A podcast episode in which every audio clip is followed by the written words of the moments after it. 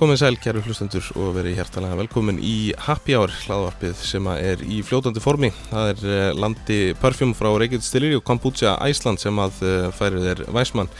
Við ætlum í hristarinn í dag þar sem við fáum til okkar bestu barþjóna landsins og hristum úr þeim alla þekkinguna, fáum góð ráð og annað sem eh, þarf til að búa til framúskarandi drikki. En það er eh, ekki eftir neinu að býða en að fara í mál málana. Í hristarann er mættur eh, ungur barþjóð sem hefur verið ábyrjandi í barsinu landsins á undanfærtum árum. Eh, Um er að ræða sigurverðan þemakeppnarna á Reykjavík koktelvíkend sem er magnað afreg og það í na, nokkur, nokkur ár í röð eh, magnað afreg en að auki hefur hann eh, fleiri verðlun í farteskinu. Eh, Það má segja að gestu þáttunins hafi komið úr barþjónarsmiðu Susi Social en í dag er hann yfirbarþjóðn á veitingastanum Fjallkonan eh, Krá og Kræsingar. Tækni, gott bragð og Instagram vænt útlit í koktelagerð er eitthvað sem skiptir eh, gestminn miklu máli og því ekki skrítið að margir eh, fylgist með honum á Instagramlunu mixologist live Það er eh, ekkert en einu býða en að bjóðan velkomin í þáttinn Sævar Helgi Örnulsson, vertu hjertanlega velkomin í Happy Hour Takk hjá fyrir það, Hvernig ertu? ég er bara frábær Er það ekki? Alltaf gaman að hlusta á hérna indrjóðin Já, er- þetta er alltaf að koma sko Já, þið eru alltaf frábæriðar Takk fyrir það Búin að býða lengi eftir að fá að heyra mitt sko Já, nákvæmlega, var þetta ekki alveg nokkuð svona Þetta var bara mjög flott, Er það ekki? mjög sattur Já, þú ert svona alveg fyrir, ú- þetta þarf að lúka, Já, er það það ekki? er alltaf að lúka sko Það er alltaf svona Svona first Þú veist, það lúka vel Já, já, Svona fyr- fyrstu kynni, það er alltaf pluss það algjörlega sko. Uh, virkilega gott að að fá því þáttum, við erum búin að reyna að taka upp í, í þó nokkur Þó nokkur nokkur tíma, all, allavega svona tvo mánu Já, Alltaf eitthvað, algjörlega, þú útlandi, ég útlandi Ég veikur, þú veikur já, nákvæmlega. En uh, við erum hér og við erum að taka upp hérna niður á uh, fjallskorni. Mhm. Uh, þú ert náttúrulega búin að vera svolítið dölur að hlusta, er það ekki? Já. Ég stunda það svolítið að hlusta á podcastið fyrir að sofa Já, þannig að mér finnst það mjög kósi, ég myndi að hlusta á eitthvað sem ég áhuga á sérstaklega já. og gaman að hlusta á hérna hvernig aðri bartunur hugsa í þessu podcasti hjá þér og, og líka bara sérstaklega það sem ég byrja að fá svona áhuga á því að brugga mig mikið Já. ég er að brugga mjög Já. gaman að hlusta á einhverju spjalla um bjórana og svona Já, nákvæmlega og aldrei að vita nema að uh, fá því kallana í, í öldur hérna í Já. einhvern, algjörlega, einhvern þátt fljótlega Þeir það eru, eru... læriði mikið af þeim spjalla smá við og þeir var að læra að brugga mjög um fyrst já, já, og þeir eru einmitt. að gáða mér key info um það já, já, já, algjörlega uh, En já, það er mér finnst alltaf svona skemmtilegt að taka upp barþjóna þáttinn sko, Já. því það er svona hefur maður kannski aðeins meira einhvern veginn til málan leggja, oft er ég voða dölli já, svolítið einhvern veginn vilt spjall sem getur komið það Algjörlega, sko út um allt Já, uh, sko þú náttúrulega þá veist nú nokkurn veginn hvað þú ert að fara í gegnum hérna í þess, þessum þætti, Já. sko það er náttúrulega að sjálfsögðu eitthvað, eitthvað óvænt, sko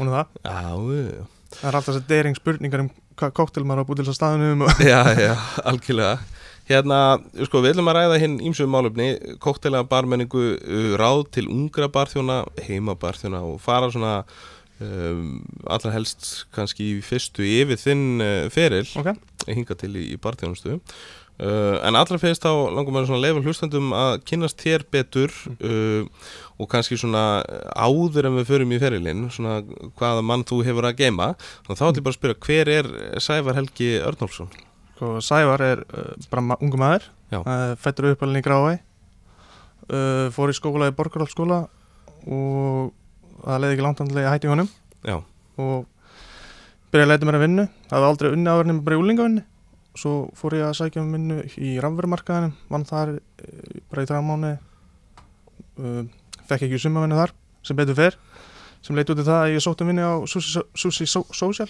Já. sem var Susi Samba þá Já. og það var hann Eithor sem ringdi mig og bara sem var að koma samdægur og sóttun og fór að viðtal til hans Eithor sem var eigandi þá Já. og ég var mjög stressaður að hafa aldrei farið í atvinnu viðtal aður og vissi raun og verið ekkert hvernig þetta myndi fara og svo spurði hann mig spurninguna hérna, segðu mér svolítið frá sjálfur þér." og ég var bara uh, ég veit ekki ég er Sævar, uh, ég var í Víkuskóla uh, ég, ég, ég var í Borgálskóla og vissi ekki neitt hvað þetta að segja svo spyrir hann hvort að ég hafa einhverja reynsla á reynsla á hérna eldúsinu og ég ándúsi og ég sagði bara já, ég hérna hjálpast við mömmu með uppaski heima og það ég var bara ráðum þessu uppaskri Já, og það Hva, hvað er þetta gammal þannig? Ég er 18 ára Já. og eins og ég segi, þetta er bara önnur vinnin mín á lífminni og Já. í lífminni og þar byrjaði bara minn ferill í veitingabransunum Já, já. í uppaskinu Það er svona, það eru rosa margir sem að eru í grunninn uppvaskaðar en hafa síðan bætt við þessi þekkingu. Fík grunnu sko Já, aðeins, klust, blessa vörtu. Ég, ég, ég man nú eftir því þegar ég var, það var nú sóst eftir því að vera í, í uppvaskinu uh, á kringlukroni þar sem Mm. ég var af því að þar mátti reykja sko. Já, Pældi, ég náði, ég náði, hérna, náði að, að vinna, ég veit ekki bara svona, þegar reykingar máttu, Já. það er magnað. það, það er eins og sé ára aldrei síðan sko Já, já, algjörlega sko uh, En svona fyrir utan koktela og barminn sko Áttuður einhver önnur áhamál um, Sko Við alltaf finnst við gaman að búa til hluti eins og búa til vídeo Já, taka myndir og núna til þess að brugga er búa til kombútsa, búa til mjöð það kannski tengist meira uh, þessum bransa Já, já. en ekkert svona þannig sé ákvæmál Nei. bara með skána að búa til myndband til þess Já. búa til content já Og þú tengir svona svolítið við eh, ein, svona brögð og, og þú svona tengir þetta svolítið við í raun þar sem þú ert að gera Já. sem er bara þjóðn Mhm. Hver var svona ef við förum hann að þú þú ert átjónvara uh, upphaskari Já. uh, á skítaflóti mm -hmm. alveg skítaflóti byrjaðar í bransanum svo þessi sambæðin þá bara til dæla nýbyrjar Já, já, já Hann var strax svolítið vinsælt bara hann bara röglega eitt vinsættar starra Reykjavík Já. Hvað hérna, hver var kveikin að því svona að verða barþjóð? það bara kom bara svona allt í einu bara poppaði hugmynd þegar hérna ég var búin að vera uppaskur eitt og allt ár og náttúrulega ekki nenni því lengur Nei, nei, svo opnuðu þú þeir er búin hérna að toppa þeir sem já, uppvaskari. og ég fekk hrósta margóð frá auðkokkunum að vera bestu uppaskarið það sem maður séð, þannig Já, að það er gott en um, síðan voru þeir að opna apotek Já, og þá voru barþunar að fara af Susi Samba, uh, Susi Sofisjál og yfir á apotek og ég bara spurði til og það hvort þið mætti vera að prófa að fara á barinn já, fyrst að þeir voru að fara og þeir sögðu mér að horfa á sér satt einhvern svona speakeasy playlista á YouTube og ef ég myndi gera það, þetta var svona 50 vídeo já. þá myndi ég fá að ég taka prófa barvat Mm og þú veist það er bara svona, þetta var bara svona random hugmynd sem allt inn poppaði að prófa að spyrja út í það og sem betur fyrir spurði ég Já. þannig að aldrei að komast á barinn Nei, nei. Og þarna, einmitt, kemur koma svona svolítið krúsapunkt af því það eru örugglega margir svona sem að eru að vinna í uppvaskinni langa að taka skrefið í einhver átkorsanar í sal eða, Mhm. eða hérna barinn að það, er einhvern veginn, það er enginn sko, sem spyrir sér spurningu fyrir því Mhm. sko. það er okkur það, þú verður að sækjast eftir því það sem þú vilt fá Já. bara sama hvað það er sko. og þú tekur hérna einhverja barvakt Hvernig, hvernig var tilfengið að vera á baku barinn í fyrst skipti og það var náttúrulega bara mjög skemmtilegt ég man eftir uh, ég var örugglega 19 ára þá og ég var að monta mig við alla vini mínu bara, "Á, ég er barþum, ég ætla að vera barþum Já, ég já. ætla að fara barinn og það geði þetta sko og bara klálega nýtt líf vissi ekkert hvað það var að vera Nei. barþum Nei. og þetta opnaði bara nýjan heim fyrir mér bara að fá að blanda saman og það verið gott, þú veist, Já, já, já, vissi ekki neitt nei, fyrir það þá fannst mér áfengi var alltaf gott sko. Já. og þú veist bara það að líka vera alltaf að smakka drikkina ánum að senda það út Mhm. og svona og þjálfa bræðalökunum svo mikið já, þú veist, fannst viski viðbjör drakk bara lagar já, já, sem byrjar maður að smakka og smakka og smakka og bræðalökun þjálfast og maður elska viski all, all, allt í einu bara einn Já, daginn bara já, svona, búm, það er gott já, maður þarf einhvern veginn svona svolítið að finna tilgangi með þetta Já, fyrst, sko, mm -hmm. og ég er náttúrulega alltaf að tala um það að, að hérna, að, að maður er ekki að drekka til að glema, frekar til að njóta, sko, algjörlega Það er klálega það sko og mér finnst svona, ég veit ekki með þegar, mér finnst svona, eh, þegar maður veit einhverja innistöðu fyrir því vínum sem maður er að vinna með hverju sinni, Mm. veit aðeins svona smá bakgrunn Já. og, og, og eitthvað svona, það einhvern veginn verður meira valjú í því, sko. ég, já, mjög sammála til þar þannig að þegar þú veist meira um vínir sem þú ert að nota þá er meiri áhug fyrir að nota það Já, svona tengist einhvern veginn Já. svolítið betur sko og það er ekkert, ekkert fátt skemmtilega heldur en þegar eitthvað spyrir þig út í vínið Já, og þú eru bara eitthvað bla bla bla bla bla bla bla Já, og, já, bara, alveg. og þau eru bara eitthvað alveg gett dólfallinni í hvað veist mikið um það Finnst þér sko stundum einhvern veginn eh, átta ég mig á því eða svona, það er svona ranka við mér og, og, og, og hérna og hugsa bara hvað í raun og veru almenningur veit ekkit endilega já, mikið sko, Mhm. þú veist, og maður einhvern veginn svona heldur maður einhvern veginn komin í það því maður umgengst nú mikið af bransafólki og svona maður heldur einhvern veginn að allir viti þetta bara Mhm. þú veist, hvað, hvað þetta allt er og eitthvað svona en þá lendi ég að fólk spyr mér hvað er Moskva Mjúl og, já, já, og þannig sko já þetta er svolítið finnir maður, þá stundum maður ofta að berja sér í hausinn bara og setja sér aðeins svona á, á samstall og, og hérna, og mainstream og bara svona að kenna, já, sko. já, það er alltaf gaman já, og þá algjörlega tjekkar einn á listanum bara og nú veit, veit einu fleiri aðeins meir um kótela sko. A- Algjörlega, sko, algjörlega En hvað, hérna, var einhver svona drikku sem að heitlaði í byrjun? Herri, já, ég man eftir því augnabliki þegar ég smakaði fyrst whisky sour með Red Stag Já, og það bara, ég trúði þess ekki mér fannst það- hvað hva bræðið er þetta Þú geðveit sko, já, síndu öllu vinnu mínu og þeir voru bara wow, Þú veist, það var bara svona mín fyrstu kynni af góðum kóktel var whisky sour með Red Stag já Það er náttúrulega snild, sko og það er bara mjög næg sko.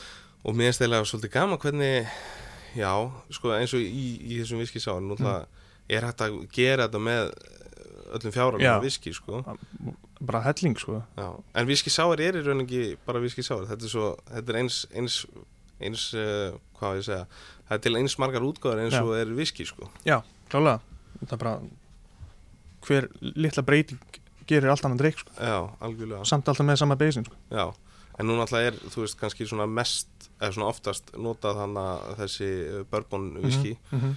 En hva, hvað er svona þitt go-to ef þú, ef þú ert í, að hendi í whisky sour bara fyrir, Herru við hérna fjallkoninni notum Midgers já, American Whisky já, um, ekki American Bourbon næ, og mér finnst það bara gæðat Já. og það er allir, allir sem smakka panta sér nokkra í viðbót já, og það er bara, þú veist, sex af honum tveir af að tveir centilítur af sikursýrabi já, þrýr af hérna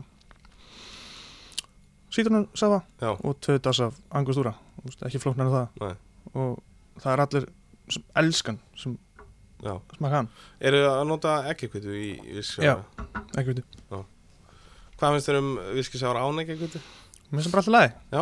vera meira þurr þú veist, ef þú fílar það, það er bara góð fyrir það Uh -huh. en ég fíla frekar með ekki veitir, sjálfur Já, já, og meira svona smoothness, Já, svolítið. já. En hvað hérna, já, whisky sour, hvena var þetta, var, þetta var á þessum tíma uh, þegar þú varst átján, hvað ár var þetta eiginlega? 2014 2014? já, svona enda 2014, svona oktober 2014 þegar fóra barinn Já. Er þá ekki svona líka fólk kannski svolítið að spotta þennan drikk? jú, algjörlega hann byrjaði allavega að poppa upp alls staðar í kringum mig Já. Og þetta er náttúrulega klálega einn af svona vinsanstu mm Mhm. drikkinum í dag, mm -hmm. ekki spurning. Um, einhverju fleiri drikkir svona sem þetta er í hug, sem að, sem að greipi mig eða já, mm, Dækiri já, frosinu þetta já, Þá. já, og það var og ég held sko að dækiri væri bara frosin drikkur, já, einmitt. ekki rom og, Nei. og það bara, við vorum með drikk sem heitir sumardækiri á Sussi Social sem er með mango og passionbræði og svo langaði mig að gera dækiri og það var fyrsti drikkur sem bjóðlið sem heitir Winter Dækiri, já, hétt á hann er ennþá á Sussi Social núna allir fara að smaka hann já, en hann var með vodka blábæri vodka, blábæri líkjur og blábæri, ná, kókos sírupi, já, engur rommi og við skýrum hann vindir dækiri já, að ég held að dækiri væri bara frosin drikkur já, já. svo áttaði maður svona ári sinna og ég bara, what? Það er, ekki- hann þetta er ekki dækiri Nei, nákvæmlega, það er svolítið fyndið ég mynd að, að hérna að, svona fólk kynnist þessum drikk í eiginlega öllum tilfellum Mhm. sem strópir í dækjur já, frosin, já, frósin en svo einhvern veginn áttar maður sér bara á sögu þessar drikkja Já. og, og þú það veist, er bara alls ekkert frosin nei, nei, enga veginn sko það kom bara sem eitthvað addon Já, einhvern lengur setna akkurat, en þú veist, uh, þú veist þrý ingredient drikkur sem Já. maður alltaf klikkar aldrei Al aldrei sko. geðveikur ég er sammála, ógust að simbúl alltaf fræs, Hvað, hvað, hérna, hvað rom notar þú ef þú til dæmis bara, já, ef við segja sólríkur sumandagur heima, bara um, ég myndi alltaf hendi plantation sko, já, þannig þrýstar eða pineapple kannski? Pineapple, það er alltaf, Já. það er, það er svo mikið flippika, það er úkjæðslega næs, Já, svo ekki artificial ananasbræð nei, nei, nei, af því sammála því, og það er svo ofta sem það er nefnilega svona vola, fake ananasbræð í sírupum og líkjurum og já, þannig já, já. en þetta er óslega vel gert hjá heimann á Plantation En hvað sko, talandum um ananas, Mhm. sko, bara í, í kóktela, þú veist, hvernig finnst þér best að nálgast uh, þú veist, ananas bara sem bragð Þú veist, hendur í síróp eða, þú veist, Sko, já, mér erst mjög Fyrst þegar ég opnaði mína Fjallkonuna Þann vikingur sem að opnaði Bara með mig þá eh, við vorum með, var með mér barnum Já. Og hann bjóti kóklega sem þetta gott og þandir Og hann notaði Gerið svona Sírub úr ferskum annars á það Já.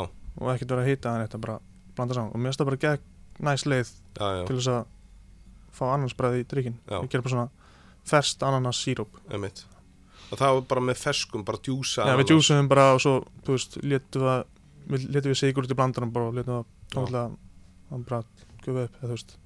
þannig að ef einhver er heima núna taki djúserinn Já. úr hérna, undan Já. hjónum Og bara ananas og sigur og það er- það er skiljett, sko. Já. Allir þetta getur gert þetta heima, algjörlega sko og, og bara, þú bara hoppa til hagkaup og kaupa sigur og sko. ananas. Já, það- ég er samanlegar Mhm. mm. Þetta er ógeðslega gott bragð sko. Já. Parast náttúrulega geðið tveir með rommi til dæmis Já, sérstaklega rómur. Herðu, síðan hérna uh, Þú byrjar Þetta er 2014 því, Mhm. Þú ert þarna á komin á barinn og þá var í raun bara ekkert aftur snúið mm -hmm. og það heldur síðan bara af ferði eitthvað aftur í upphaskið eftir Nei. þetta? ég, ég maður þetta síðasta upp, sko, vekturinn minni. Já. Ég bara sór því að ég ætla aldrei að það, sko, og hef ekki farið síðan, sko. Nei, þannig að þá í raun varst þú komin bara á apotekki verið að opna og þá Mhm. var hellingur staff að fara þangað Mm og þá opnaðist bara space fyrir, fyrir þig og, Já. og barnumanna þannig að þú bara fóst í í djúbuleguna þar Já, hvernig var, er það hannlega og er öruglega enn algjör mokstur hann jú, jú, það, pff, það stoppar aldrei það, sko. Nei. Það er aldrei lítið að gera á Susi Social. Nei. og bara mojito er alltaf já, alveg að fljú út sko já, og það er bara ennþá þannig nú til dags sádrykkur hefur náð rosa fótfestöngundin Já. á, á sushi, Já. sushi social já. ég nefnilega, ég hef, ég hef ofta það var einhver sem talað um það gott að það hafi ekki verið óli óla akkur þau breyttu ekki bara S-unu í þotn, sushi þamba þamba það er þetta er alveg geðveit sko sushi þamba þú þamba Já, það er geðveikt sko Mér finnst það alveg mjög góð, góður punktur sko. Já. uh, Þeir kannski í kannski þið íkjöðu þetta Já, reyndar opna vist ekki Susi Samba aftur sko, úti Þannig að ég raun skipti no, Nú, ok. okay. máli Ég var að lesa það einhvers þar geta alveg breytt sáttu bara Já, já, já. já ok en eflaust á einhver brandi þetta eða- er bara alveg allstað Eh, Ég er er hérna. bara að lesa einhver ekki London og New York er ekki Já, allavega í London er ekki á tveim stöðum Ég, ég veit ekki Ah, hugmyndu ok. okay. sko. kannski er það byrla Já, ég veit það ekki Mm. Ég, ég geti googlað þetta Ég er all, aldrei farið á Susi Samba ekstra annars ekki heldur en margir sem hafa voru að vinna á Susi Social hafa farið á það Já, og svo þetta var ekki eins gott á Susi Social sko. nei, nei, nei Eða Susi Thamba já Herði, ok, síðan hérna, hvenar svona fer að eh, líða því að þú, þú farir að skoða, ko- þá er náttúrulega komin svona svolítið inn í, inn í hennan barþjónabransa Mhm. og þá fer það að vera svona meira ábyrjandi í, í keppnum og svona Já. þess að það er. Hvenar byrjar að keppa? það var bara sko ég held að það hafi bara verið fyrsta fyrsta hérna Reykjavík Kollumvíkind sem kom upp eftir að ég Já, byrjaði á barnum það er svolítið þín keppni. já það það er gaman að henni Já. Hérna, og svona, en fannst þér ekki snið eins og eftir að þessu breytt í, í svona einhver þema jú, keppni? algjörlega það er þægilegra heldur en að hafa bara Já, bar choice Já, basically, já, já. það er svo mér ske- mér finnst það skemmtilega þegar það er sett eitthvað svona restrictions Já, já, já, á hvað þú átt að gera sko. algjörlega Það verður bara því meira því betra eiginlega, þú veist, því meira restrictions það er bara svona, Ég meira sam, challenge sko. saman á því Þetta var einhvern veginn, maður einhvern veginn tók oft þessa umræðu við þá sem eldri voru Mhm. og, og, og þá var bara, nei, það er verið að það má einhvern veginn of mikið, Já. eða of lítið skilur Mhm. og, og eitthvað svona og, en, en ég er alveg saman að þá bara vinnur út frá því sko, já, eitthvað svona sem er með frjótt ímyndunarfni eins og Já. ef við bara báðir akkurat að þá einhvern veginn er það bara betra sko, Já. ekki saman að því Jú, mjög samlæði. Uh, það var ekki kóttilvíkend Hvena, varst, tókst þú þátt í fyrstu vorklasskefni? Nei, ég, ég, hana- ég, ég skráði mig, Já, en Hlinur bætti mér ekki í hópinn, nú, en ég vissi ekki neitt. hvað er Ha, Hlinur, þetta? Þetta finnst ég náttúrulega Þannig að þú hefði jafnvel bara að segja þetta mm, ég veit það nú ekki, sko. ég var eftir því fyrst þegar ég kefti í vörglas, það var bara svona, ég fæði bara svona kjánar alltaf að hugsa hvað ég gerði já, já, já það var auðvitað já, já, ég, ef maður horfir á alls konar sem kemur í dag, þá sé maður strax bara hvað maður hefði átt að gera Mm. já, alveg klálega sko en það er líka uh, bara merkjum um metna, sko Já. líka bara þannig læra maður að Ah, ekki spurning, sko um, sko uh, svo hefur, þú hefur tökum aðeins svona keppnir, hvernig Mm. hérna uh, þú, þú sigrar í raun þína fyrstu keppni aðra sko. kemur, það var aðra keppna ég lendi, ég komst í top 5 held ég já, í, í hérna Reykjavík Kottlingin fyrst já og svo vann ég eftir það, Og hvað, var er þetta tvisvar í röð sem þrísvar Þú, þú er búin að taka þetta þrisvar í Já. röð, nákvæmlega svo fjóraskipti næst Já, klálega Þú hefðu náttúrulega verið búin að taka það en það náttúrulega var frestað út á COVID já, það er pyrrandi Þannig að við hefðum í raun mjög sennilega verið að tala um að þú væri búin að vinna til fjögur já, mögulega, það veit aldrei Nei, nei, algjörlega svolítið pressa á mönnu núna e, Já En hvað hérna uh, Svo náttúrulega, þú hefur í raun verið að keppa bara í flestöldum þessum keppnum sem Já. hafa verið í bóði mér finnst það alltaf ég reyna alltaf að kjappa ykkur einustu keppni Já, nema það er eitthvað svona sem ég hef engan áhuga á eins og Já. þú veist, eða það var amarætt og keppni ekkert um, mér finnst amarætt og bara úkislegt já, mér finnst það bara viðbjóð sko. ég get ekki eftirbræðið því Nei. þannig að ég er svona nætti ekki að keppi því fattur nei, nei, nei, nei. þannig að annars reyna ekki alltaf að keppa í öllum maður læri sko, það er bara besta leiðin til að læra að vera góða börðin er að keppa Já, alveg líka bara þú lærið þegar þú ert að búa til koktil já, þú ert ekki alltaf að eyða áfengi að búa til randu koktil á Nei, nei. veitingstafninum en ef þú ert að fara að keppa þá er svona afsökun til þess að búa til koktil já og þú lærir hvert einu skipti sem býr til nýjan koktil finnst mér Já, ég er alveg sammála því ekki, ekki nokkuð spurning Mm. sko. og vonandi bara fyrir þetta að, að, að, hérna, að það er nú eitthvað svona eitthvað, einhver er ekki eitthvað að gruggast hérna Jú, já, það- hlýtur að vela það er eitthvað, ekkert eitthvað sem að er hægt að segja frá samt, Nei, sko. nei. En Það er bara er bíða eitthvað. spenntur. Já, hvað vörumerki serðu fyrir þér að, eða vörumerki, hvað sko vínflokka serðu fyrir þér að væri gaman að keppa í núna á næstinni þú veist, Mm. svona í sterkvinni eða, eða bara hverjum sem er í raun og veru hvað drikki myndur þú vilja sjá fyrir þér í, í keppinu? sko, mér langar að sjá eitthvað meira svona sem að ég veit ekki eins og bartunar út í heimi er að nota en við á Íslandi notum ekki mikið Já, eins og Chartreuse eða kannig já eða, já, gá líka og bara nýjar vörur Já. aðalega.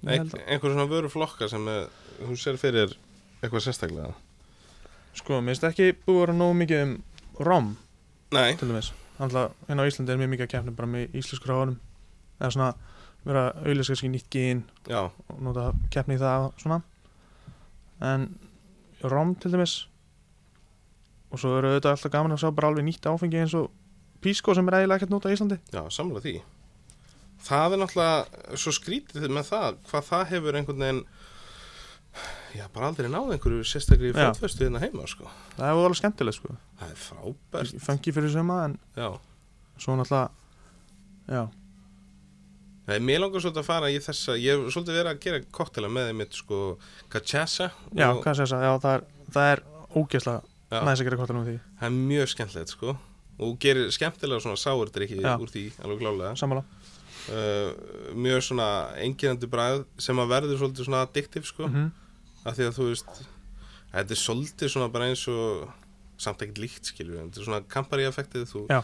þú svona eh, lærir svolítið inn á þetta Já. og svo allt í hennu ferður bara, herru, ég, mér langar alveg að fá mér bara negróni núna, sko, maður þarf eiginlega alltaf, að- alltaf að já, læra á sem bröð já, alveg klálega sammála því um, uh, það verður spennandi að sjá hvaða keppnir það er náttúrulega það verður að, að, hérna, að halda þessum keppnum gangandi Já. svo að, svo að barþjóðanir okkar þróist akkurat, sammála og verður betri náttúrulega ef, sko, ef það myndi alltaf bara hætta að kepp, ef keppnum myndi að hætta já, það myndi mér margir bara standa í stað sko, Já. finnst mér já, Að það, maður sér alltaf nýja barstun og nýja andlit og nýja, hver einstu keppni og þú veist það sá barstun klálega að læra og sína sig líka og úrkla fá meira áhuga fyrir barstuna algjörlega sko en hvað hérna uh, ef við förum aðeins yfir svona uh, bara þau trend sem að já, sem, sem eru svolítið í gangi núna uh,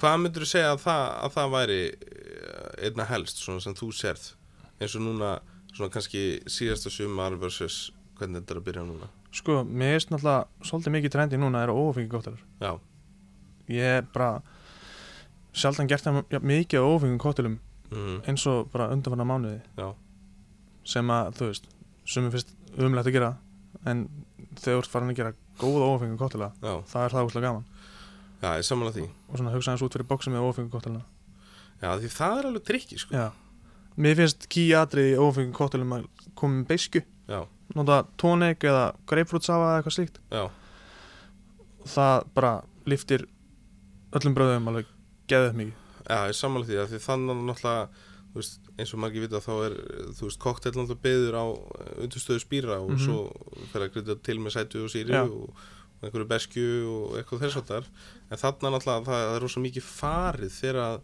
þegar að í raun svona hitin sem kemur og þ- svo fylling sem kemur með mm Mhm. með farin að þá einhvern veginn verður þetta oftast bara að margir lendi að verður bara of súrt eða of sætt sko. Já, það er náttúrulega mjög auðvelt að gera get frúti og þú veist sætan ófengum kóttel Já, sem að allir myndur búist við að fá er súrsætan kóttel einmitt en þannig að síðan að þú kannski gerir eitthvað mango passion kóttel í lang, lungu glasi Já. og hendir síðan smá tónik út í það þá er það strax komið ósæl langa leið Algjörlega sko Og líka bara að beskjan hún, hún upphýfir náttúrulega Já.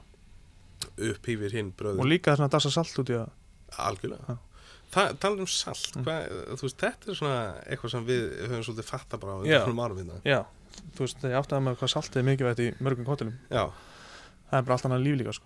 En þetta bara make a sense, ég meina, þú veist, ef að þú færðir rétt bara af, þú veist, ef að þú færð carpaccio, skilur við, ef Mhm. það er ekkert salt á því, þá er þetta bara eitthvað brálust kjöt já, Já, það er alveg magna hvað, hvað það og ég meina við hefðum svo sem alveg geta sagt okkur það sko, já, en maður hefur kannski ekki bara hugsað þetta uh, út frá drikk nei Ég hann að í bara svona lang flesta koktela sem er með fersk, ferskum sítrus í já, þá dasa ég smá salt út í það já, þú veist, ef það með eitthvað sens kannski ekki að fara að gera það við gimlet eða eitthvað hann nei, nei, nei. endilega en þú veist ef, ef það er tequila eða sítrus þá er klálega að fara að si- salt í það líka sko. já, já, algjörlega en talandum um sko ofengu koktelina Mm. uh, hefur, hefur þú upplifað að þetta hafi verið eitthvað svona ég man alltaf bara þegar ég var að vinna bara sem þjóttuna þá svona þegar þetta gremmundstrend var að byrja mm.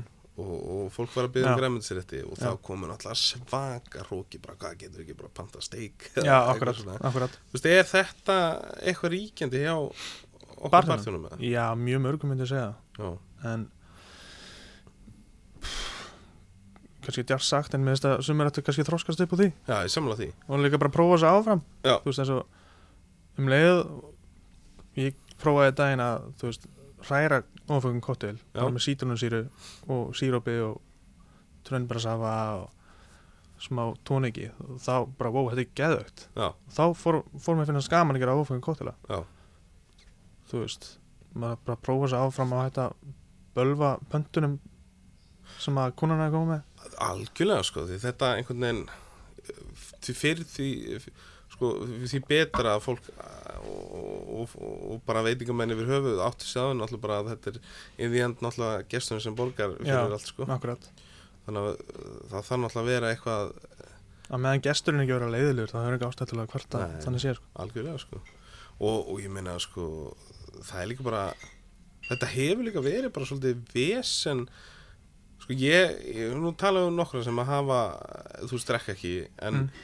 þetta hefur verið bara líka svona svolítið bundið við það að það hefur ekki verið einhver svona tr, svona hvað ég segja, einhver svona trend eða eh, svona verkferðlar já, við að þjónusta fólk sem drekkur ekki áfengi Mm. það er bara ekki til Nei.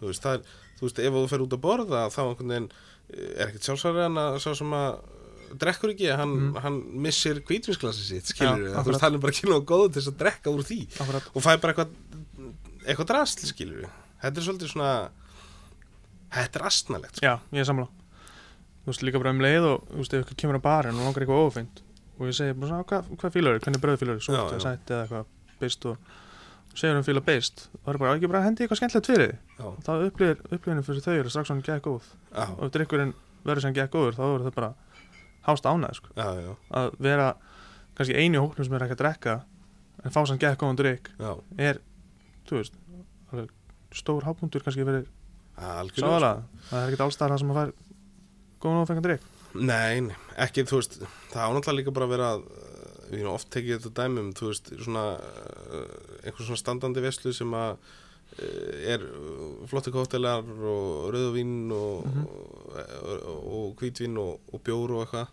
í bóði skilur við fyrir, bara frýtt og svo einan sem að er í bóði óafengt er, er sótavatn, já, akkurat, það er alveg lási, sko það er það sko.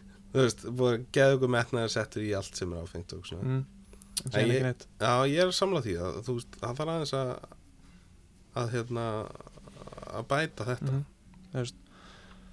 það er líka leið s- meina, ef þú ert á bar og ert að selja ekki mikið af ófengum kóttulum góðum, ert að gera góð ófengum kóttulum það er verið að kaupa mikið af þeim. það er líka leið gæð mikið af peningi sem er að koma inn frá því Já, og þetta er ekki að vera kvarta þannig að þú getur að henda í þú veist síróp og e, sótavann og smá tónik og, og sítrus það er svo komið mjög kóttil sem kostar kannski 90 grónir framlæslu er það seljinn á 13. kall já, já, þú veist, akkur þetta verður kvarta yfir því fyrir bara einn bátri já, já.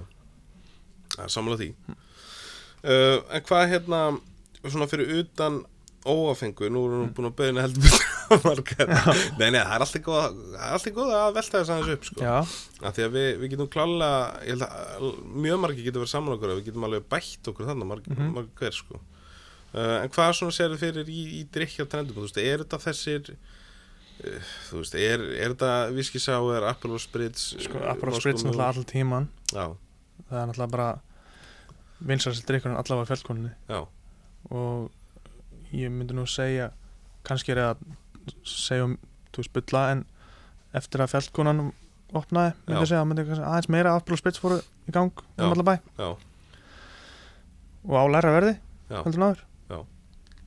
og minnst er mjög trendi núna Já. Moskum Júlin alltaf líka mjög trendi já ég, er, ég, veist, ég er alveg samlega að sko fjallkonan kannski varð svolítið liftistöng fyrir þennan Mm. drikk sko ég held að uh, alltaf, alltaf smá Að, að ég glust, ég, ég skal alveg gefa hvað hérna en, en sko, hvað finnst þér hvað er málið með þennan drikk, af hverju er fólk að fíla þennan, af því það er alveg byrkja líka sko, já það er sem að segja beskjan frá sko kannski sumir fílar alltaf ekki beskjuna nei, nei, en þú veist, ég held að eina ástæðan okkur fólk fílar ekki Apollo Spritz eða fílar ekki Apollo Spritz er út af beskjunni Já. en líka ástæðan okkur að ma margir elskan er að þenni er léttur og örlítið beskur já og náttúrulega er litið setur líka Já. sko.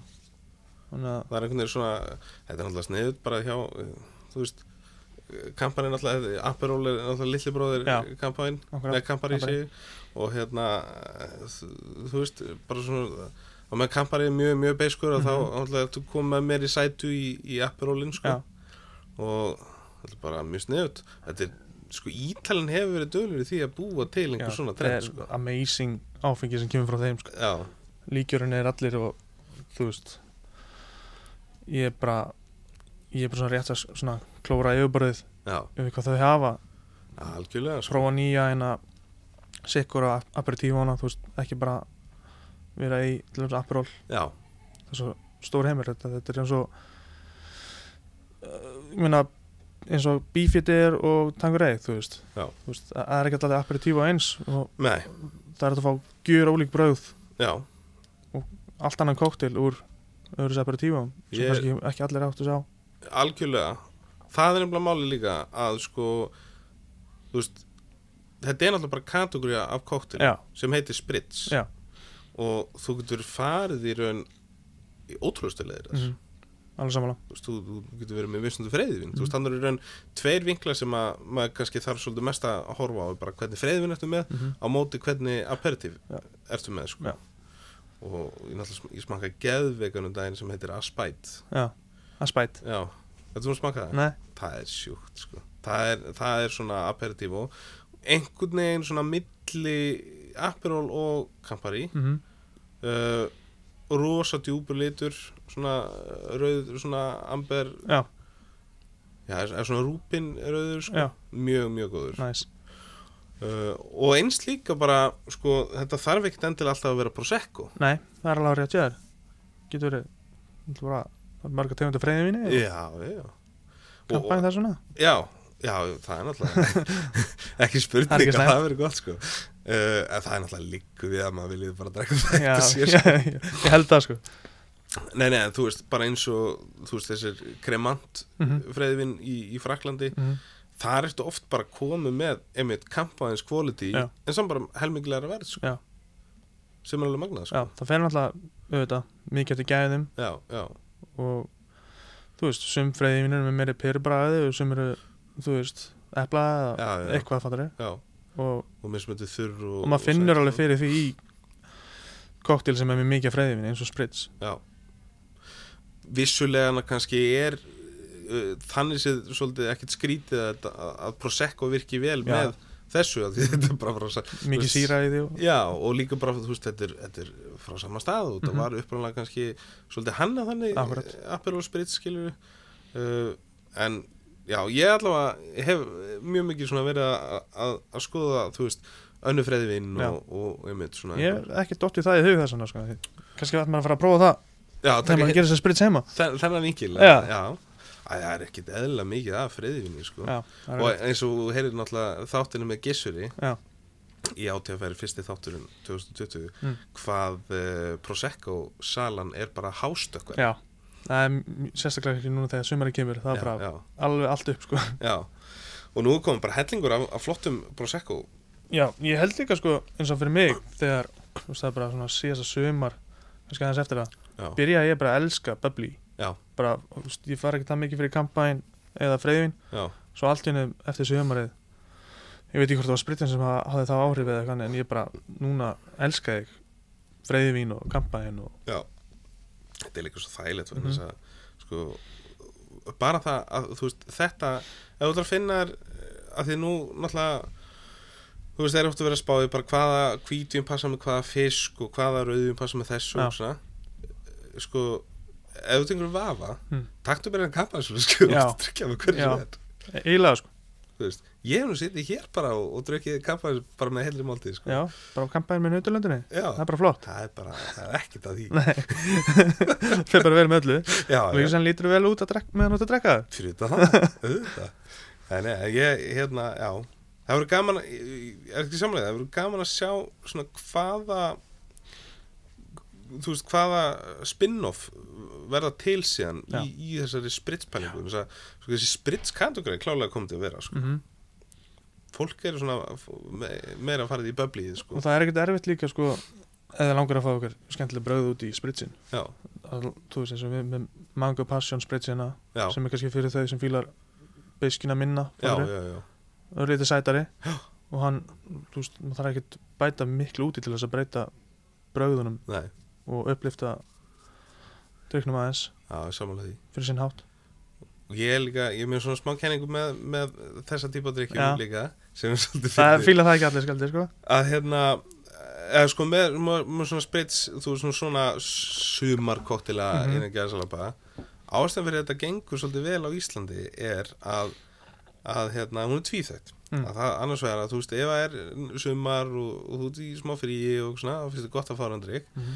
en ef það er skýta kuldi úti og vetur og Já. eitthvað, þá finnst það alveg samt gott að fara andrik Já. af því að hann minnir þig um sumar akkurat, akkurat, hann gefur sumar feelingin sko já, Getur bara verið inn, inn að drekka hann stæðan fyrir úr úti en já, samt já, svona, nákvæmlega ég er sammála, ég er sammála sko. þetta er alltaf skellileg kenning sko Já, En hérna Já, en eh, Margarítan og, og þú veist Paloma, Mm. nú erum við að tala um það er þið sko, ég er náttúrulega, ég er kannski ekki búin að vera mikið að fara á bari hérna á Íslandi síðasta mánuði Þannig að ég er kannski ekki búin að fylgjast með senunni eins Nei, nei. mikið Sérstaklega núna með COVID og allt það Já, þetta er alltaf svona skrítið Og það- hvernig- Það er ekki mikið að tequila kóttilum panta á felkónni Nei, Þannig að ég er ekki búin að sjá það mikið Nei.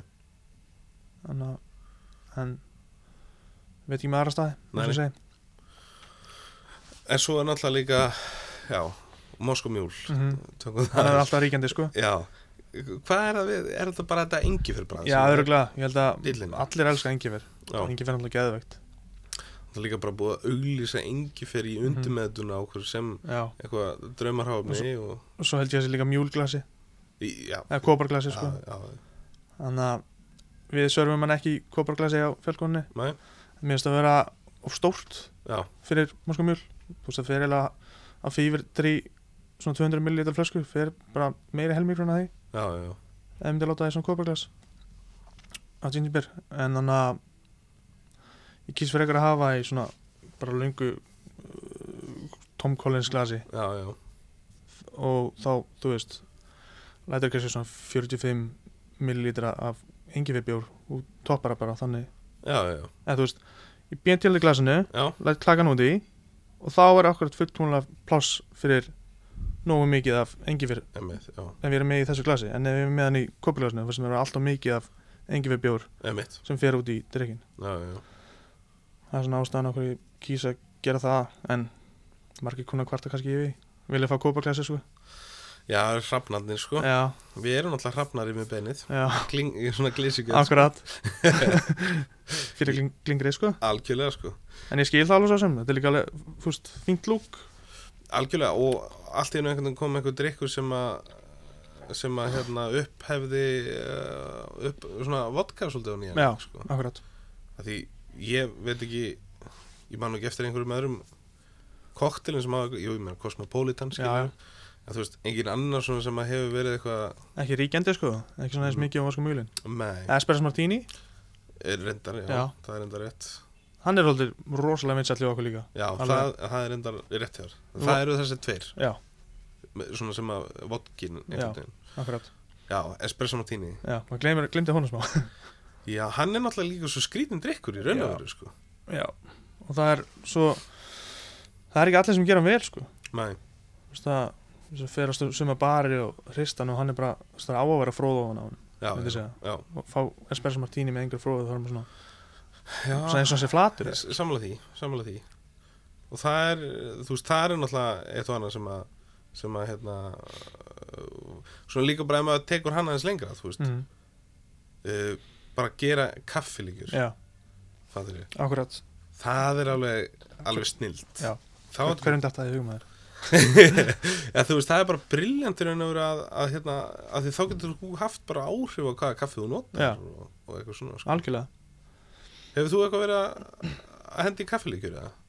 Ekki líkjur en næ Nei, En við stildum þess eins og cold brew, kaffisíróp, einmitt, já eitthvað þannig já, já, Það er alltaf þessi bræðheldur en þú veist Það er búin að gera kannski kaffisíróp úr heitu já, Espresso kaffi eða eitthvað þannig já, fyrir, já, Eða já, upphaldi kaffi Eitthvað þannig já. Allt annað bræð sko Já, ég sammála því Já. Ég er náttúrulega, sko, ég ætla að taka þátt með henni Sonju Grant Já. Fljótlega og það er alltaf, hefur, ertu búin að kíkja þangað það? uh, Nei Kaffi uh, Brugg Smiðjan Mm. Kaffi Brugg, já Út af Granda, hún er náttúrulega drottningin í kaffinu Já, í já. Íslandi, sko uh, Hún er svona manniska, það er ákveðna aðalega sem að sem maður hittir, sem hún getur einhvern veginn ekki talað uh, þú getur ekki átt stutt samtal Já, við þetta fólk akkurat, já, sko. akkurat og hún er þannig sko. Já, þannig að það er eiginlega að vera bara með og svolítið til- tilbúin að spjalla vera með já, svona tíma. já, já, en líka bara maður læri líka bara Já, svona akkurat. hellingar af svona fólki sko. Já, samanlega, já, espresso martini, hann er, hann er skemmtilegur mjög skemmtilegur Það uh, er líka gaman að gera svona variations á honum já, finnst mér Já. Við erum að koma með núna á nýja seðlum með fjálkunni Lakrís Espresso Martini já, ok já, sem að mér fannst mjög skemmtilegt að búa til já, þar sem ég hérna í staðan fyrir að vera, ég er með lakríslíkjör já, og svo tók ég nokkur bröðug sem að mér fannst sem margir segjast vera eins og lakrís já sem svo sartrús Já. og brennivín líka mm þá er ég með lakrís, brennivín og sartrús þetta er allt svona náttúrulega lakrís vibes bröð já, já, svona einhver annisfílingur Já, og svo, lit, og svo skreit ég inn með anustunni Já. þá er svona mörg öðruvísi element á lakrís já, og svo kemur kaffuna það var mjög skemmtilegt já, Það er alltaf skemmtilegt að gera kaffi gott alveg Það er hægt að gera svo öðruvísi algjörlega og það er einhvern veginn það er líka svolítið unexplored Mhm. hjá okkur á Íslandi að hérna auðvitað er þetta líka bara með trendin að fólk einhvern veginn leggst svolítið á nafnið bara, þú Já. veist, Moskomjúl Mhm. Espresso Martini og þú veist, ef þú ert með uh, koktel og seðli sem að sem að er alveg eins og Espresso Martini en heitir það ekki, Já. að þá fattar fólk það ekki Nei, þess vegna það er eins og á sem þessi nýji lakrís espresso martini Já. það mun heita lakrís espresso martini Já, svo já. fólk fatti að Einmitt. það geti ekki skýrt en eitthvað Nei, annars sko. algjörlega, er, er, hvernig er, var þetta einhvern nöfn á koktel? Já, finnst það ekki vera mikilvægt það? Jú, mér finnst það þurfa að vera grípandi Já, og, og þú veist mjög gaman þegar það er cool nafnið já, en það er grípandi þegar það er fyndið oftast myndi ég segja já, það virkar svolítið vel fyrir Íslandingin Já. sérstaklega Já.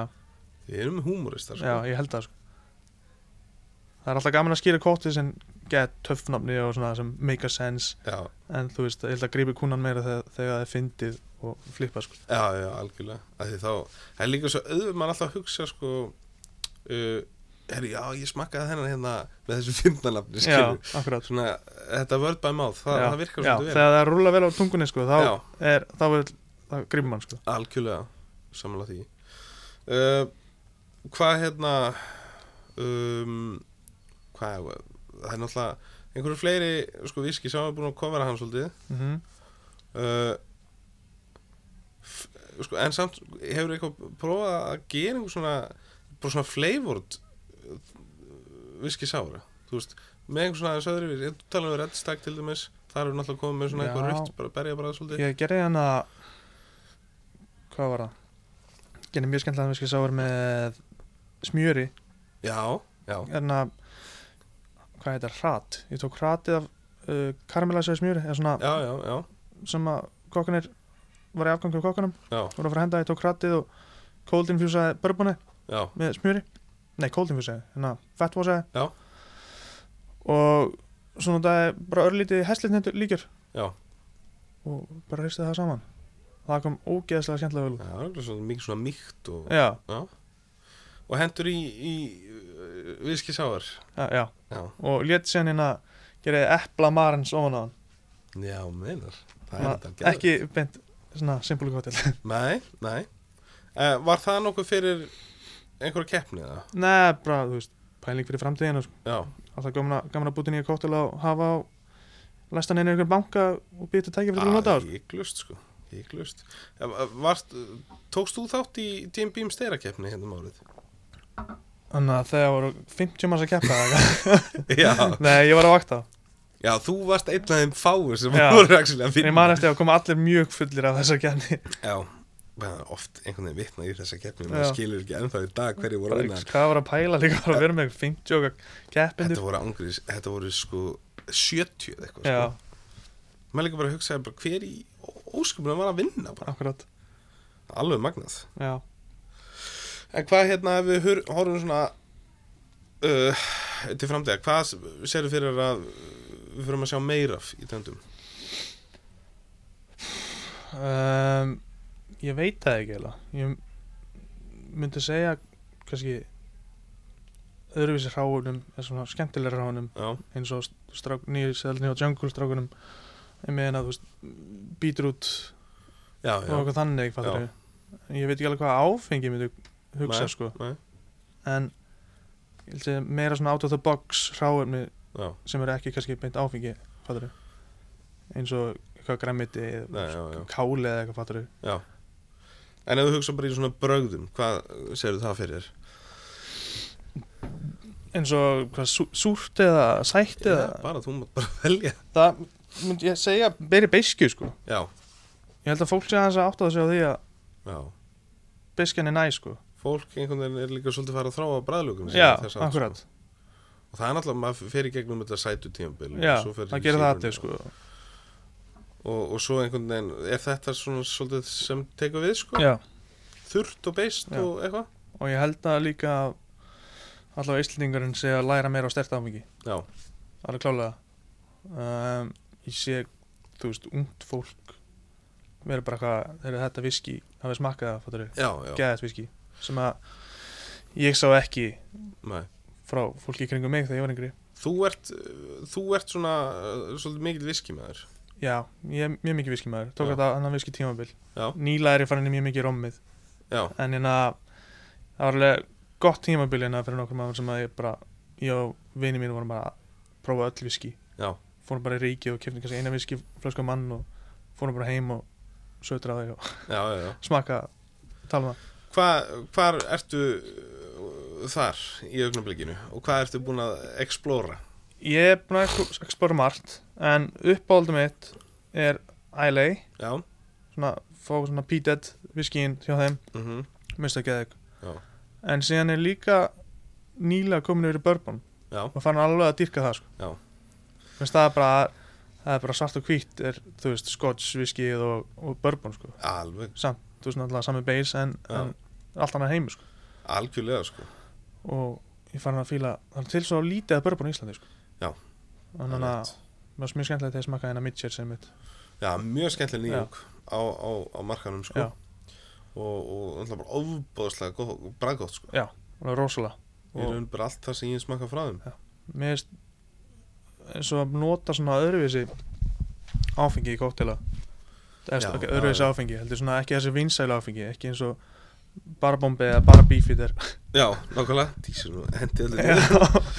en þú veist fara út í eitthvað annað gen eins og stuðlaberg eða uh, svona Já, bara gen sem eru ekki, hvað segir maður bara þessi basic sem allir tekja fattur algjörlega eða Hashtag, hashtag drekkum íslenskt Já, algjörlega sko og svona prófa þessi óvinnsælu þessi ekki óvinnsælu, Nei, nei. kannski svona minna vinnsælu Já, svo minna þekktu kannski Já, líka minna á- þekktu Já, það er, gerir allt öðru þessu bröði í kóttalum algjörlega sko og við erum náttúrulega eigum náttúrulega frábært eh, sko sterkvinskerða fólk á Já, Íslandi já. orðið í dag uh, þannig að það er þú veist, ekkert skrítið að að við sem sem hérna topnots barþjónar eh, Mhm. eigum náttúrulega klálega að- að nýta okkur það Já, klálega ekki spurning og ég meina, við höfum svo sem langt flestir á okkur verið að gera það sko Mhm. uh, en, en heiklust náttúrulega líka bara að þú veist þeir sem að eru heimafyrir og Mm. alltaf kaupa sér eh, næstu genflösku Já. þetta er náttúrulega sérstaklega kannski mikið í geni Já, sko. sérstaklega geni og uh, mist hvert einasta gen hérna á Íslandi saman hvort þessi heimbrim eða stuðlaberg eða Já. voru eða eitthvað fattur Já. þau eru öll öðru þessu Já. það er engin, minnst það engin vera lík nei, að þeim nei, ég sammála því Það er öll mjög ólík hvort öðru og gefa sér einhvern væp í hvernig einstu koktel eða þau vilja fyrir nota íslensk skín í koktela já, algjörlega og na- ég meina, þú veist, við náttúrulega glemum kannski, það er nú kannski, hún um deilum hvernig sér koktel en, Mm. en, en sko það er allavega drikkur, Mm. eh, þú veist, geni tónik Já, það er náttúrulega, er alltaf bara on the rise, Já. svolítið alveg rosalega og líka bara komið meira úrval á tónik já, og þú veist þeir sem eru gin, gin ákvaða menn og gin og tónik ákvaða menn það er, geta alltaf leikið sér heima með það sko. já, henda einhverjum pipar eða pipar og hindberjum eða garðblóber getur bara að fara í hagkaup og bara heyrum farið bara í græmmitis já, já, og já. krydd hérna staðin þar og skoða hvað við láta í næsta gin og tóniki Algjörlega sko Það er náttúrulega líka að hann komum við inn á sko, við erum að fara að hitu fyrir næstu, næstu topikina sem er social media Ok. Þarna komum við náttúrulega inn í, í þetta að- að lúki Já, Þetta er bara alveg eins og með mat, þú Mhm. veist ef að þetta er bara kássa á disk þá er þetta ekkert eitthvað sérstaklega delikat sko Nei. og, gerir upplifina meira ef þetta lítur vel út sko Já, já, tala ekki um það, þetta er ekki mynda þessu post Akkurat, ég held að nú flesti gera það að hygglust sko en talandi um það sko, þú ert náttúrulega búin að, að hérna, vera með þennan Instagram account í svolítið tíma Já. og það eru margir að fylgjast með þér Já, uh, en þannig að ert að gera mjög skemmtilega ta- hluti takk fyrir það, takk fyrir það, það kannan við það ertu, þú veist, ertu að taka sjálfur myndirnar og þú Já. veist, kontenti bara Ég tek svona 95% myndi ég segja Já. af myndunum sem ég posta sjálfur Já, mér finnst- já, mér finnst bara mjög gaman sjálfur að taka myndir Já. Svo kannski ein og ein mynd sem að ykkur myndutökumæður hefur komið hingað að fjallkona að tekið mynd af já, eða já, eitthvað þannig sem ég er að bara posta já, já.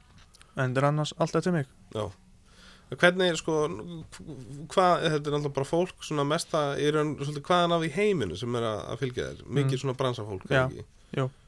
mjög svo alveg mm, bara alveg barðunar út í heimi Já, já, það eru, myndi ég segja minni hlutina þeir sem eru að followa mig eru Íslendingar já, já. kemur alltaf óvart eða ykkur Íslendingar að followa mig já, nákvæmlega En hvernig, sko, hvað myndur segja bara fyrir eh, þá sem að vilja vera Instagram stjörnur, Mm. hvað, hvað er svona líkillin á baku þetta?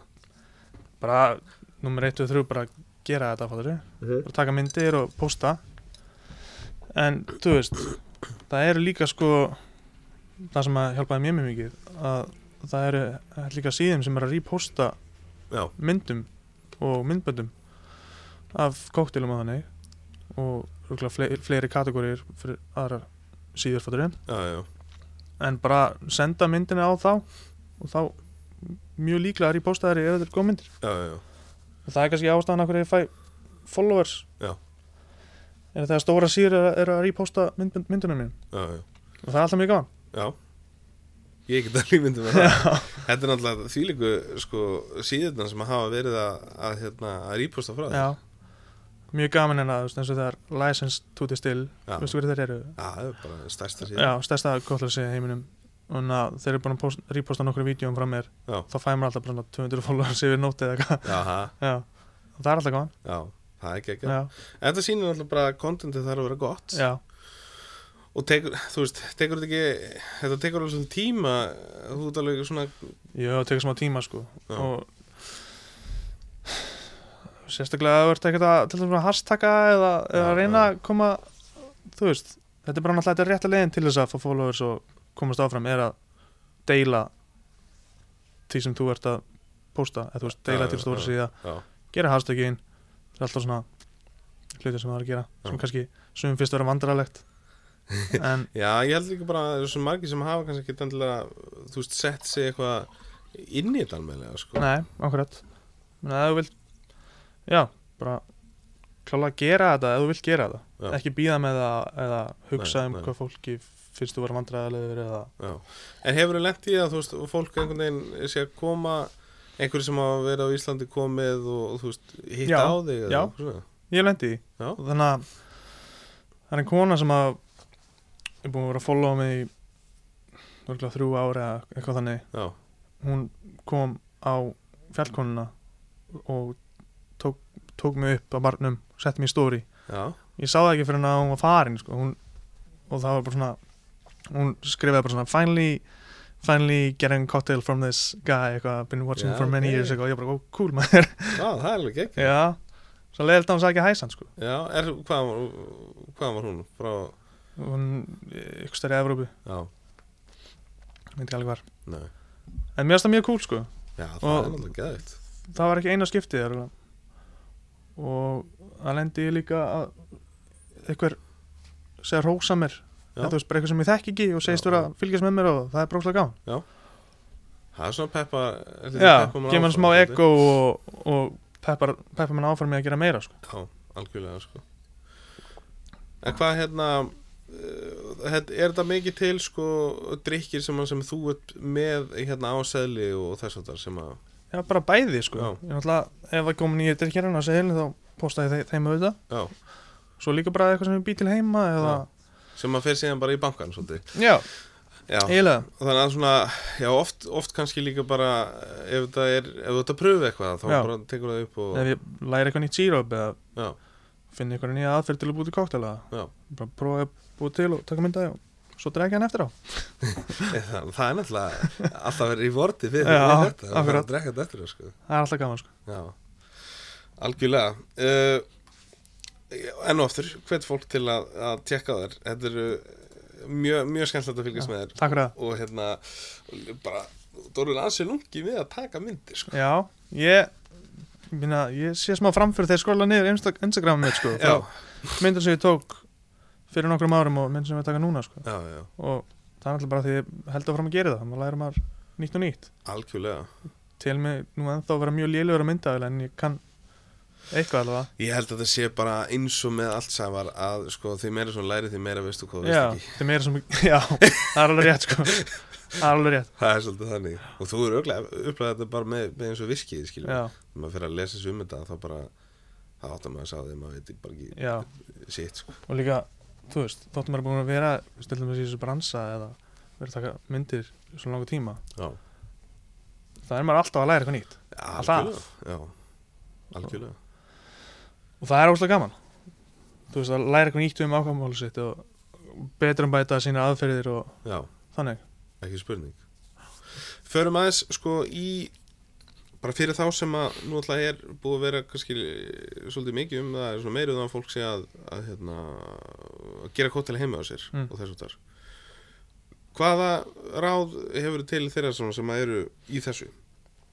um, annað en að Sko- hlusta á þættina með væsmenn já, Já, það er best að leiðin til að læra sko já, Nei, en uh, ég gefa þeim þau ráð að þetta er ekki það flókið sko. nei, Þú veist að bara um leið og lærar að búa til eitt síróp þá er það ekki áttur að þetta er skýtlétt já, og bara henda í það fattur við, Já. ekki vera eitthvað æ, ég þarf að fóra út í búð og ég þarf að kaupa þetta svo þarf ég að taka potnin úr skápnum og fara að sjóða eitthvað og þú veist, já, já, það er ekki vesen sko, nei, nei þetta er skýtlétt svo búa til síróp heima, ef þú vilt búa til hindbera síróp Já.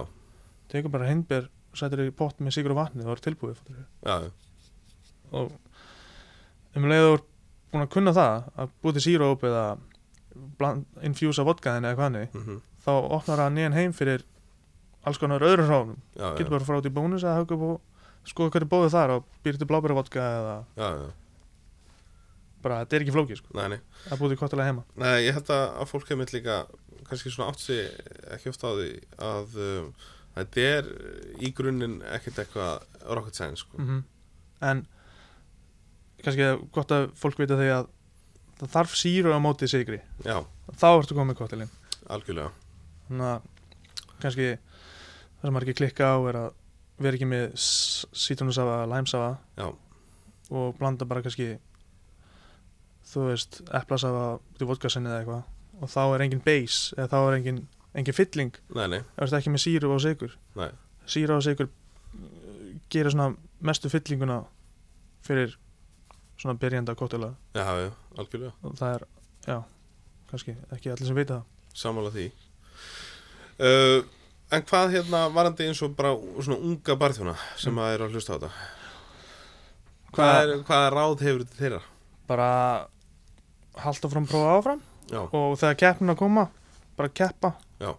þú veist, það er kannski stressandi já, pínu skeri, er það en þetta er ógeðslega gaman og ógeðslega, ógeðslega rewarding að keppa já, já, og ekki vera ekki halda að þú sért þegar þú er búin að læra alltaf mikið, ekki halda að þú veitir allt nei, vera ennþá opinn fyrir að læra frá öðrum Já. og fylgjast með barstjónum í kringu þig sjá hvernig þið reyfa sig sjá hvað, hvað kóttel þú eru búið til já, já, og lesa hráumlinu og seðalinn með öðrum börum þú veist ef þú vissir ekki að það er hægt að nota smjör í koktela þá er, kannski getur séð á öðrum seðli eitthvað annars staðar að það er hægt já, já, og þá kannski f- hvernig, já, bara YouTube bara það já, hvernig maður að infjúsa smjör í koktela eða eitthvað fattur algjörlega já, ekki vera hrættu við að læra nýju hluti og ekki halda á sér gáfaðastur þó þú búin að vera kannski aðeins í smá tíma Nei, nákvæmlega Herðu uh, Núna ætlum við að fara hérna í uh, svolítið skemmtilega lið sem að fólk Mm. getur séð inn á um, Instagram síðu Væsmenn uh, sem heitir Strainerinn Mm. og þetta uh, við ætlum við ætlum að taka hann upp ok, til já, og uh, það útskýrir sér uh, svolítið bara sjálft ég, ég, ég fer aðeins yfir þetta hérna uh, með þér Ok. Ef ekki hendur okkur í þetta bara endilega Þetta er bara svona spurningar ok, og þú bara svara þeim, þetta er besti það er eina það uh, sko, vindu okkur bara beint í þetta hérna kemur uppáhald spurningin spurning allra partjuna hver er þinn uppáhald skoktill? Um, ok, ég ætla að segja bara Bloody Mary Nú, Það- já. Þess að dana ok, það er mjög áhugavert. ja, ok, það er bara Já. geggjað um, hvað er svona þitt uh, go to sterkvinn í koktela? Sterkvín Já. mm, Örgulega bara gin, myndi ég að segja Uh, líkjörar eru Nei, ég- líkjur eru ja, líkjörar eru hvað finnst þú líkjöra? Já, bara allt í góðu, Já. stundum Já. Já, notar það eitthvað? já, Já. En ég reyna að nota á sem minnst ok uh, hvaða íslenska framleita sterkvinn þykir þér áhugaverast? uh, Klálega brennivíni, sko Uh, uppáhalds bar erlendis Ég er endar viðkynni, ég hef ekki farið á marga bari erlendis Nei. Þannig að ég hef bara farið á hana, hvað er það Tales of the Spirit í Amsterdam Já, Það er- þetta geggjað bara Já, Ok, uh, uppáhalds krydd í kóktela um, myndi að segja Anis uh, Og það er svona scenario þetta Mm. Núna uh, Amalisparti, frænkan er að vera 50 uh, Þú ert að henda í mainstream fordrykk fyrir 30 manns Mm. Hvaða fordrykk ætlar að gera? Cosmo ok uh, Eh, Það verður líka að vera bjór á kantinum Hvaða bjór verður fyrir valinu? Fyrir svona mainstream Já, Það verður auðvitað bara Kronenberg myndi ég segja ok Hvernig myndur þú helst lýsa þínum uh, barstíl?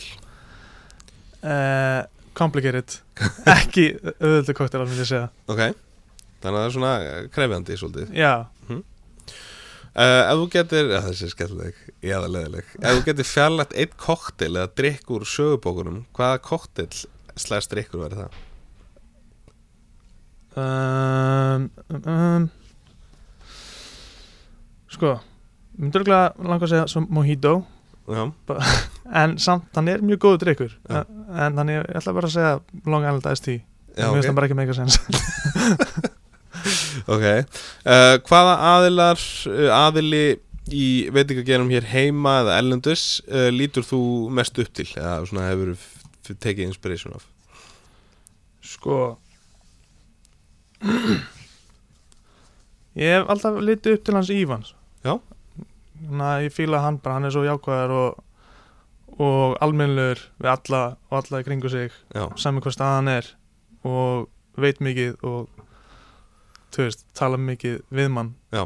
og segja manni frá skemmtilega hlutum sem að til þess að tengi seninu og þannig að Big Rose til Ívans já, hann er náttúrulega ítali líka sko. mm -hmm. Herðu, ok, þá er það næsta Mm.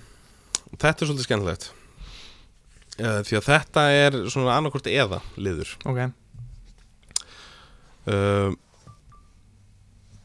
Tilbúin í það Já. uh, Þú er en velur bara annarkort Ok. uh, Vodkaði ginn ekki, Dögtrám með konjak Dr. Ám Tequilaði meskal uh, meskal, Vatnaði brennivín brennivín, Börbónaði skotsblend bourbon, Singlum alltaf ræ uh, single malt, Vermútaði bitter vermút, Hvítvinna rauðvin rauðin, Portvinna seri uh, portvín, Kava eða Prosecco uh, prosecco, eða kampaðin kampaðin, Herru, ok, það var það hérna uh, uh, drikkir Mm.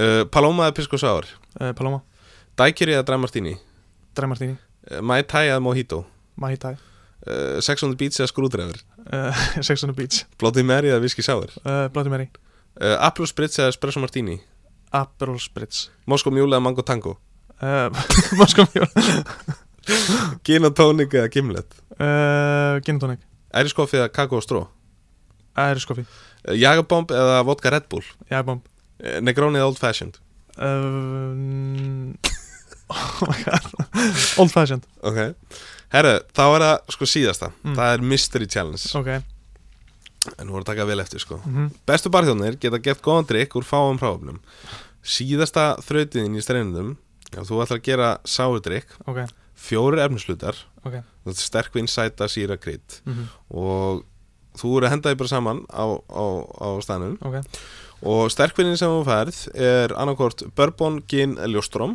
mm Sæta, það er hvítusikur, agave eða maple syrup ok, Síra, sítrónur, læmi eða júsú Og krydd, kóriandir, dill, kardimómur Ok e, Maður sjá Ég ætla að fara í bourbon Já.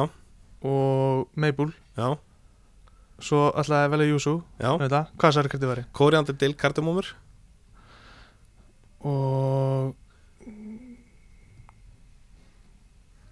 Kardamómur Ok, bourbon, maple, yuzu, kardimómur Já Og hvað heitir hann? You so beautiful Það er þetta rókislega gott nafn Ok, ok, þetta var geggjað Vel gert Takk fyrir það Herru, ja, þetta tóstum bara ágætlega Já, ég stóð mig kannski ákveðlega Já, Ég bara var mjög, mjög sátt að við takk fyrir það, þig, sko. Þú mátt takk fyrir vera stoltar að þér það Ég skal skrifa í bækunar og vera stoltur af þessu Hérna, sko, þetta fer að síga í setnum hlutan hérna hjá okkur um, Ef við förum svona heilt yfir uh, Hvað hérna Hvað stöndum við í barsinn á Íslandi? Svona meða við Já, bara hvað getum við gert uh, betur og, og Sko, mér finnst ég verið að standa núna svona á uh, þeim stað að við erum að ná öðrum löndum, Já. myndi ég segja og þú veist það er náttúrulega bara það sem við þurfum að gera er að halda fram púsa, púsa fattur við, já, já, ít á það kenna nefn í barðunum, fá, fá svona nýtt generation af áhuga, áhuga miklum barðunum mm og opna bara ég vona, vonast til þess að nýja og þú veist skemmtilega staðið að opna já, næstunni mér finnst það að vera svolítið þú veist skipta máli fyrir barsinn á Íslandi algjörlega að fá svona out of the box staðið líka mm Hvað hérna, hvað þurfum að passa svona að gera til þess að halda okkar rithma gangandi? um, klála að halda fyrir um keppnar þetta, það er mjög mjög mikið vett og uh, þú veist, þar náttúrulega styr, kemur barnarklúburinn sterkur inn Já. það var mikið eftir með góða og ákvæmlega aðalega þar Mm -hmm. sem við klálega erum með um, Já, bara halda áfram að búa til eventa og þú veist gefa barnunum ástæðu til þess að ha- halda þessum áhuga Já. Það myndi ég segja Samla því já. Hvað hérna, og svona á döfunni, hvernig uh, er eitthvað skemmtilegt að gerast? Hvernig sér fyrir þér næstu, við erum að taka þetta upp hérna í uh, lók júni Já, uh, Hvernig sér fyrir þér uh, sumarið og um, náttúrulega bara hérna á fjallkonum náttúrulega eru komin nýr kottilseil Já. sem er náttúrulega alltaf gaman og örugglega nýr kottilseil eru að koma á flestum stöðum Já. um, en ég er náttúrulega bara múlst til að sjá bara meira að gerast náttúrulega fyrst að COVID er núna aðeins að enda já, kannski fer meira að gerast í barþámsinsenni mm algjörlega Mm. Það verður uh, spennandi að fylgjast með já, og, algjörlega, og hvernig fólk til þess að, að drekka koktela klálega og búa til Já, og búa til klálega og drekka íslenskt Já. Eh, Þegar að Eh, við höfum náða að gera þetta já, loksins ég er sammála, Eh, hlutu koma að þessu Algjörlega, hérna frábært að, að fá þig í, í þáttinn já, eh, frábært loksins. að koma, takk fyrir að hafa mig og hérna við bara, óskar bara eh, góðs eh, gengis sem leðis, og við sjáumst nú örgulega bara í næstu keppni en það ekki ég held það Herðu, Sævar Helgi Örndursson, takk kærlega fyrir komuna í Happy Hour takk fyrir mig Þar er við það, kæru hlustundur Sævar, eh, frábær barþjóðn eins og þið eh, heyrðuð eflaust og alltaf jafnkaman að eh, spjalla við hann. Minna á að eh, á heimasíðu Væsmann byrtist uppkast af þessum þætti en það má einni lesa allt það nýjasta og helsta úr drikjar heiminum. Endilega fylgið Væsmann á Instagram og Facebook þar sem regla byrtast skemmtileg myndbönd þar sem Væsmann kennir ykkur skemmtilega hluti er varðar koktela gerð. Attið ykkur svo í Facebook-grúpuna Happy Hour með The Wiseman, þar sem þið getið tekið þátt í umræðinni og haft áhrif á að gera Happy Hour en betra hlaðvarp. Þátturum verður ekki lengri að sinni, munið orð Wiseman, drekkum ekki til að gleyma, sínum sjálfum okkur og öðrum virðingu og drekkum frekar til að njóta. Takk kærlega fyrir að hlusta, þángat til næst, Wiseman out.